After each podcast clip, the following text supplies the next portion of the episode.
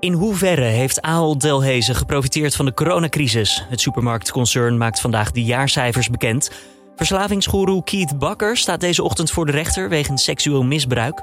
En in Myanmar moet Aung San Suu Kyi voor de rechter verschijnen. Het leger voerde eerder deze maand een coup uit en is inmiddels weer aan de macht in het land. Het beetje vrijheid dat er daardoor was in Myanmar lijkt daarmee als sneeuw voor de zon verdwenen. En de bevolking nou, die lijkt het toekijken te hebben. Maar ze hebben bewezen door de tijden heen met zo ongelooflijk veel geweld dat ze de, de, ja, die steun van de bevolking, dat zeggen ze misschien wel in een persconferentie, maar dat kan ze uiteindelijk helemaal niks geven. Journalist Oele Chavan hoor je daar en zometeen meer met hem hierover. Dan ook nog even een klein stukje klantenservice. Uh, gisteren had ik blijkbaar Nuene gezegd in plaats van Nune. Ja, bij deze uh, ja, zal ik nooit meer doen. We hebben het gehoord in de mail. Er zijn reacties binnengekomen. Maar zoals altijd, feedback is natuurlijk welkom via podcast.nu.nl. Dus uh, ja, nu ene. Nee, dat wordt niet meer Nune. Ja, geleerd. Tot zover de klantenservice. Dan nu kort het belangrijkste nieuws van nu. Mijn naam is Julian Dom en het is vandaag woensdag 17 februari. Een hele goede morgen. De spoedwet die het kabinet maakt over de avondklok wordt waarschijnlijk vandaag al ingediend bij de Tweede Kamer. De nieuwe wet is gisteravond al ondertekend door de koning en direct naar de Raad van State gezonden. De hoogste adviseur van de regering zal een spoedadvies uitbrengen, waarna het wetsvoorstel direct weer door kan naar de Kamer. En het is vervolgens aan die Kamer om te bepalen wanneer ze de wet behandelen. Nou, de Kamerleden moeten dan wel terugkomen van reces en uiteindelijk moet die wet dan ook nog in de Eerste Kamer behandeld worden. Die wet komt er om twijfel over de juridische grondslag weg te halen. De avondklok geldt nu in ieder geval tot vrijdag, dan dient namelijk het hoger beroep hierover. Mocht de avondklok uiteindelijk overeind blijven staan, nou, dan heeft dat weinig effect op de eerder uitgedeelde avondklokboetes. Maar mocht die avondklok wel komen te vervallen, dan wordt het interessant wat betreft die boetes. Dat vertelt hoogleraar Algemene Rechtswetenschappen Jan Brouwer bij Op 1. Dan blijven de boetes sowieso overeind. Als die avondklok onderuit gaat aanstaande vrijdag, dan is het de vraag: per wanneer gaat die avondklok onderuit? Per ingang van vrijdag of is die van mede aan? uh, onverbindend geweest. Als die van mede aan onverbindend is geweest, dan gaan die boetes eruit. En voor wie het nog eventjes in het kort wil nalezen, we hebben een samenvatting op nu.nl van de hele avondklok chaos die zich gisteren voordeed. Dat artikel heet Geen avondklok meer en toen toch weer wel. Dit gebeurde er dinsdag. Check het eventjes op de site of in de app of via de link in de beschrijving van deze podcast. De Amerikaanse oud-president Donald Trump heeft dinsdag hard uitgehaald naar de Republikeinse fractieleider in de Senaat, Mitch McConnell. Die stemde zaterdag tegen een veroordeling van Trump in diens tweede impeachmentproces, maar veroordeelde hem nadien fel en hield hem moreel verantwoordelijk voor de bestorming van het Capitool. Volgens Trump zal de Republikeinse partij nooit meer gerespecteerd of sterk zijn met McConnell in een leiderschapspositie. Hoewel Trump al bijna een maand geleden het Witte Huis verliet, blijft zijn invloed op de partij onverminderd groot. Slechts zeven van de 50 Republikeinse senatoren stemden zaterdag voor een veroordeling in het impeachmentproces, waarin Trump dus terecht stond voor het aanzetten tot de bestorming van het Capitool. Dat gebeurde begin januari. Zeker 21 mensen zijn omgekomen als gevolg van het extreme winterweer in de VS. In Texas zitten nog miljoenen huishoudens zonder stroom. De autoriteiten doen hun best, maar ze kunnen niet beloven dat alles de komende dagen weer zal werken zoals het zou moeten. De winterse storm die sinds dinsdag over het zuidoosten van het land raast, brengt lagere temperaturen dan in Alaska met zich mee.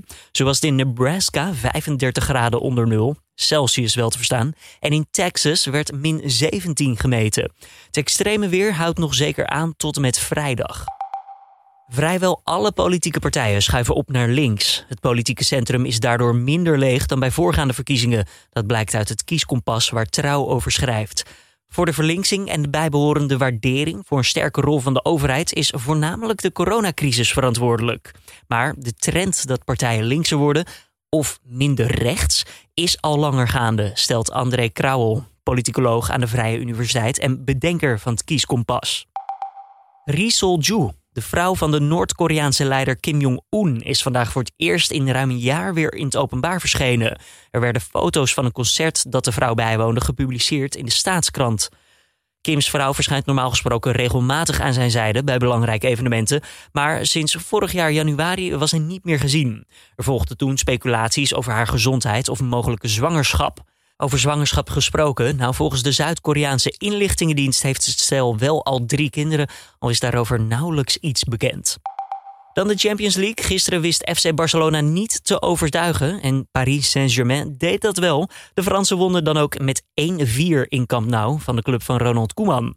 Ja, de Nederlandse trainer kon achteraf niet anders dan concluderen dat Barcelona volledig overklast was door de tegenstander. Barcelona kwam in de eerste helft nog wel eventjes op voorsprong via een rake penalty, maar daarna liepen de bezoekers uit door een hattrick van uitblinker Mbappé en een treffer van Keane. Over drie weken treffen de teams elkaar weer en dan zal dat in Parijs zijn. Begin deze maand vond er een staatsgreep plaats in Myanmar. Het leger greep de macht. Politiek leider Aung San Suu Kyi en verschillende andere hooggeplaatste politici werden vervolgens vastgezet. Vandaag moet Aung San Suu Kyi voor de rechter verschijnen tijd voor ons om even in dit dossier te duiken. Wat zit er achter de koep, de aanhouding en wat staat de inwoners van Myanmar te wachten?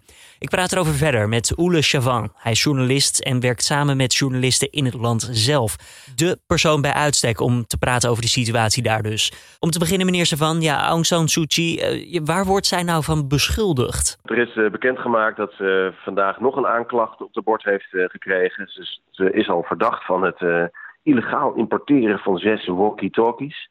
Nou ja, het is natuurlijk een totale onzin aanklacht. Ik bedoel, het is ook echt verboden in Myanmar, maar het slaat natuurlijk helemaal nergens op. En nu is er ook nog een keer aangeklaagd voor het overtreden van de zogenaamde natuurrampencoördinatiewet. Uh, uh, ze zou tijdens de campagne voor de verkiezingen vorig jaar de coronaregels hebben overtreden. Uh, en daar staat drie jaar gevangenisstraf op. Het leger grijpt eigenlijk alles aan om ja, de, de, er zo een draai aan te geven dat zij waarschijnlijk niet meer terug aan de macht komt. Nee, het, het leger speelt natuurlijk uh, een spelletje. Dat zijn natuurlijk onzin aanklachten. Dat uh, begrijpt iedereen ook in Myanmar. Het is ook vooral ook ja, de vernedering. Dat ze, het, ze geven gewoon aan, het maakt ze niks uit. Ze verzinnen gewoon iets ze hebben die mevrouw gewoon vastgenomen. Dat kunnen ze gewoon. Dus het is, het is vooral, ja, het is heel voorspelbaar en ook uh, behoorlijk uh, flauw van het leger. Om op deze manier, het gaat helemaal niet om de inhoud van die juridische zaken. Het is gewoon vernedering. Als we dan even naar de koep kijken, begin februari. Er in het land zijn sindsdien veel protesten. Hoe gaat het leger daarmee om precies? Nou, dat is op zich wel heel erg interessant. Want ze hebben natuurlijk een lange staat van uh, enorm gewelddadig protesten neerslaan. En tot nu toe is dat uh, relatief uh, uitgebleven. Dus de, ja, de, de meeste analisten die ik uh, spreek, die hebben toch het idee dat ze zich daarop hebben verkeken. Het protest is ook al dit keer, vergeleken met 2007 en 1988 bijvoorbeeld, ongelooflijk veel breder. niet alleen maar studenten en niet alleen maar monniken, maar ook nog gewone huisvrouwen, ambtenaren, behoorlijk wat politieagenten. Dus uh, het protest is zo breed dat ik, ja, ik, ik uh, krijg toch een beetje het idee dat het leger zich daar ook wat op heeft verkeken. Oftewel, we kunnen wel stellen dat het grootste deel van de bevolking uh, ja, dus niet achter de koep staat. Nee, dat is absoluut met zekerheid te stellen. Er zijn echt protesten in alle steden en dorpen door het hele land.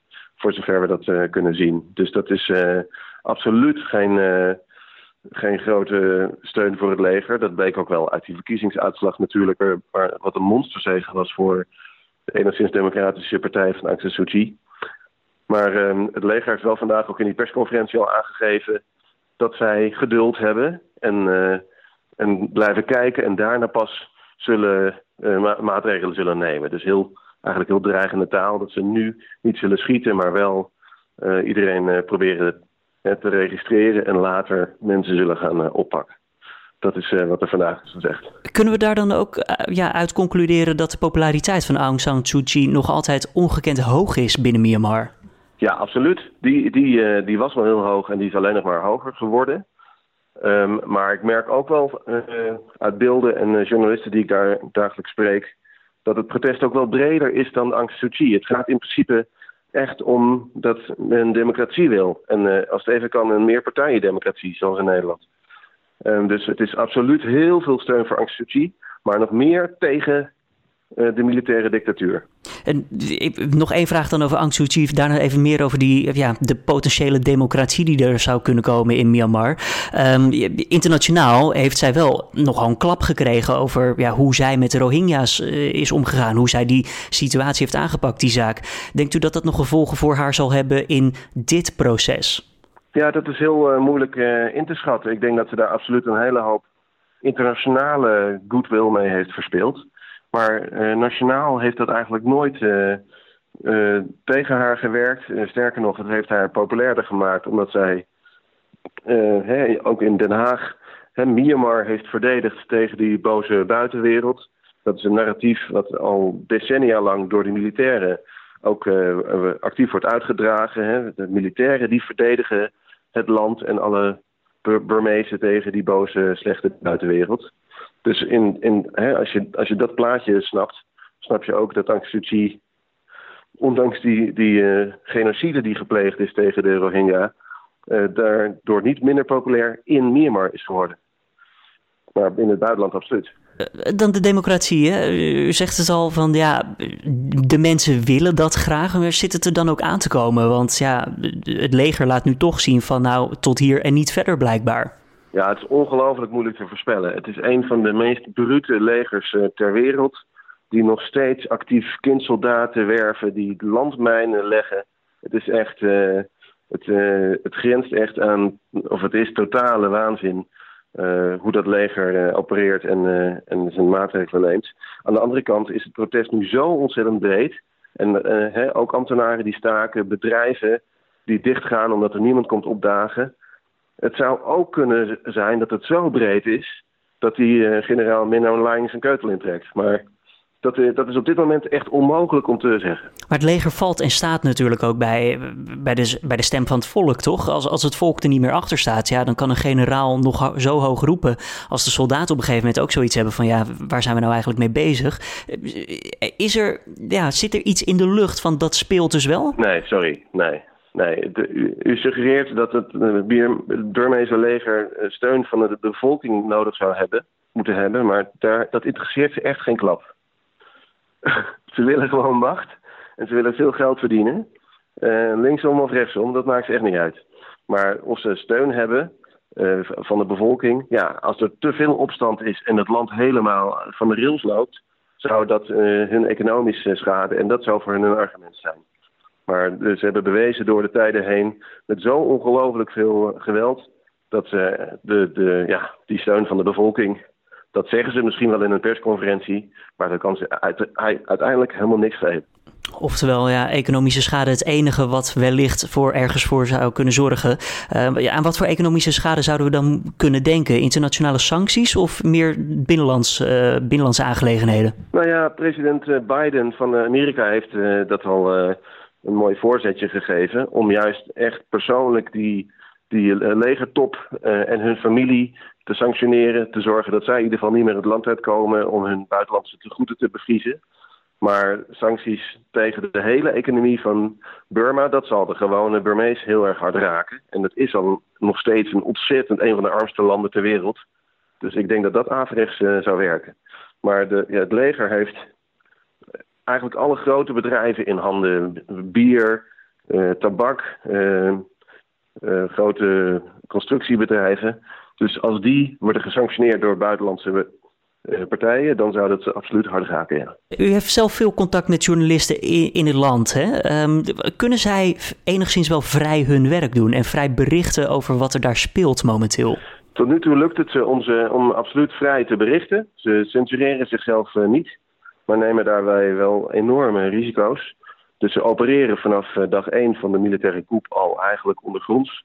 Dus ja, ze doen alles in het geheim. Ja, wat, wat voor risico's, waar moeten we dan aan denken? Wat, wat staat hen te wachten als bijvoorbeeld uitlekt waar zij zijn of wie zij zijn of wat ze schrijven? Ja, dan uh, de, het leger heeft inmiddels alle, alle die paar wetten die er waren om nog een beetje mensenrechten te beschermen al afgeschaft. Dus ze kunnen, als ze daarachter komen, dan worden ze gewoon opgepakt.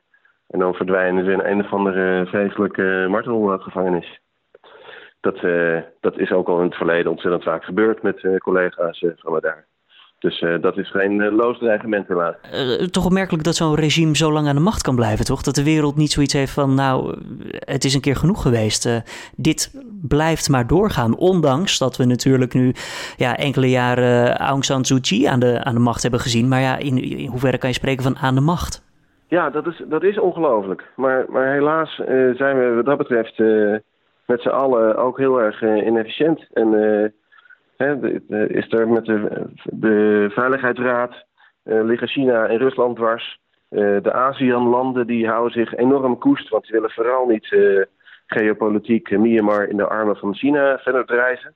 Dus dat maakt allemaal dat het een soort van perfecte storm is waar die generaal in één keer de macht kon grijpen. Maar het is natuurlijk waanzin dat dit zo lang kan blijven doorgaan. Dat klopt, maar ja, dat is ook zo. Dat geldt ook voor Noord-Korea en ja, ook Thailand is al lang een militaire, militaire dictatuur. Dat doen we ook met z'n allen niks aan. Dus het, het, is, het is heel frustrerend, maar de, ja, de internationale impact is beperkt. Meneer Van, dan als laatste vraag. Aung San Suu Kyi staat dus voor de rechter. Wat zou zij kunnen verwachten? drie jaar cel had u het net al over. Kunt u een beeld schetsen? Nou, volgens mij moet ze nu op 1 maart voorkomen voor die laatste aanklacht, waar ook de president voor is aangeklaagd. Ja, ze zou zomaar drie jaar kunnen krijgen. Ik, uh, het, is, het is heel duidelijk sowieso een showproces. Uh, de rechtspraak is sowieso totaal niet onafhankelijk. Dus uh, ja, dat is maar net wat, wat de generaal wil. Journalist Oele Chavan hoor je daar over de situatie in Myanmar. Dankjewel voor uw tijd en toelichting. Dan nog eventjes de nieuwsagenda voor deze woensdagochtend. Ja, verslavingsgoeroe Kiet Bakker die staat deze ochtend voor de rechter in Amsterdam wegens seksueel misbruik. Het OM verdenkt hem ervan dat hij een seksuele relatie met een minderjarige vrouw heeft gehad. En ook zou hij nog als hulpverlener hebben gewerkt, terwijl hij sinds 2012 een beroepsverbod heeft. Bakker zit sinds oktober 2019 vast en is laatst onderzocht in het Pieter Baan Centrum. Wanneer supermarktconcern Ahold Delhaize vandaag zijn jaarcijfers bekendmaakt, wordt duidelijk in hoeverre het bedrijf heeft geprofiteerd van de coronacrisis. Niet alleen gingen mensen hamsteren, maar ook gaven ze tijdens de lockdowns, waarin ze niet naar restaurants en cafés konden, meer uit bij de supermarkt. De coronacrisis heeft bovendien gezorgd voor een versnelde groei van online boodschappen doen. En drie Nederlanders komen vanavond in actie in de Champions League. Matthijs de Ligt neemt het met Juventus op tegen FC Porto. En namens Sevilla ontvangen Luc de Jong en Karim Rekiek Borussia Dortmund voor het eerste duel in de achtste finales. Spits de Jong was vorig jaar trouwens de uitblinker bij Sevilla in de gewonnen Europa League. Maar deze groepsfase kwam hij slechts tot één keer scoren. Hij is de laatste weken ook niet meer verzekerd van een basisplaats in het Spaanse elftal. Dan nog eventjes het weer van Weerplaza. En daarover weet Alfred Snoek alles wat je moet weten deze woensdag. Er is vandaag veel bewolking aanwezig. Toch verloopt een groot deel van de dag droog. Zelfs de zon weet af en toe door te breken in vooral het zuiden en oosten van het land. De temperatuur komt uit op zo'n 8 graden in het noorden van het land en 11 graden in de zuidelijke provincies. De zuidwestenwind bij dit alles waait matig kracht 3 tot 4. Dankjewel weer Alfred Snoek van Weerplaza. Om af te sluiten nog eventjes dit. Amazon-topman Jeff Bezos is weer de rijkste man op aarde. Waarmee hij Tesla-baas Elon Musk van de troon stoot. Ja, Musk was de afgelopen weken eventjes de rijkste persoon ter wereld. Maar moet die positie nu dus afstaan door verdere koersdaling van het aandeel Tesla. Veel scheelt het trouwens niet tussen de miljardairs. Althans, het verschil zou ik graag bijschrijven op mijn eigen rekening. Maar uh, ja, Bezos heeft ongerekend een fortuin van zo'n 158 miljard euro. Luister goed. En Musk moet het doen met ja, circa een miljard minder. Dit was dan de Dit wordt het nieuws ochtendpodcast van nu.nl van deze woensdag 17 februari. Tips of feedback nogmaals, laat het weten via podcast@nu.nl. Ik zal nooit meer nu ene zeggen, het is nu En ja, mochten we nog een keer iets fout doen, ja, laat het dus weten. Geef ons een seintje. Mijn naam is Julian Dom. Ik wens je voor nu een fijne en gezonde dag toe. Vanmiddag is mijn collega Carne van der Brinken weer met het bijpraatmoment in de podcast.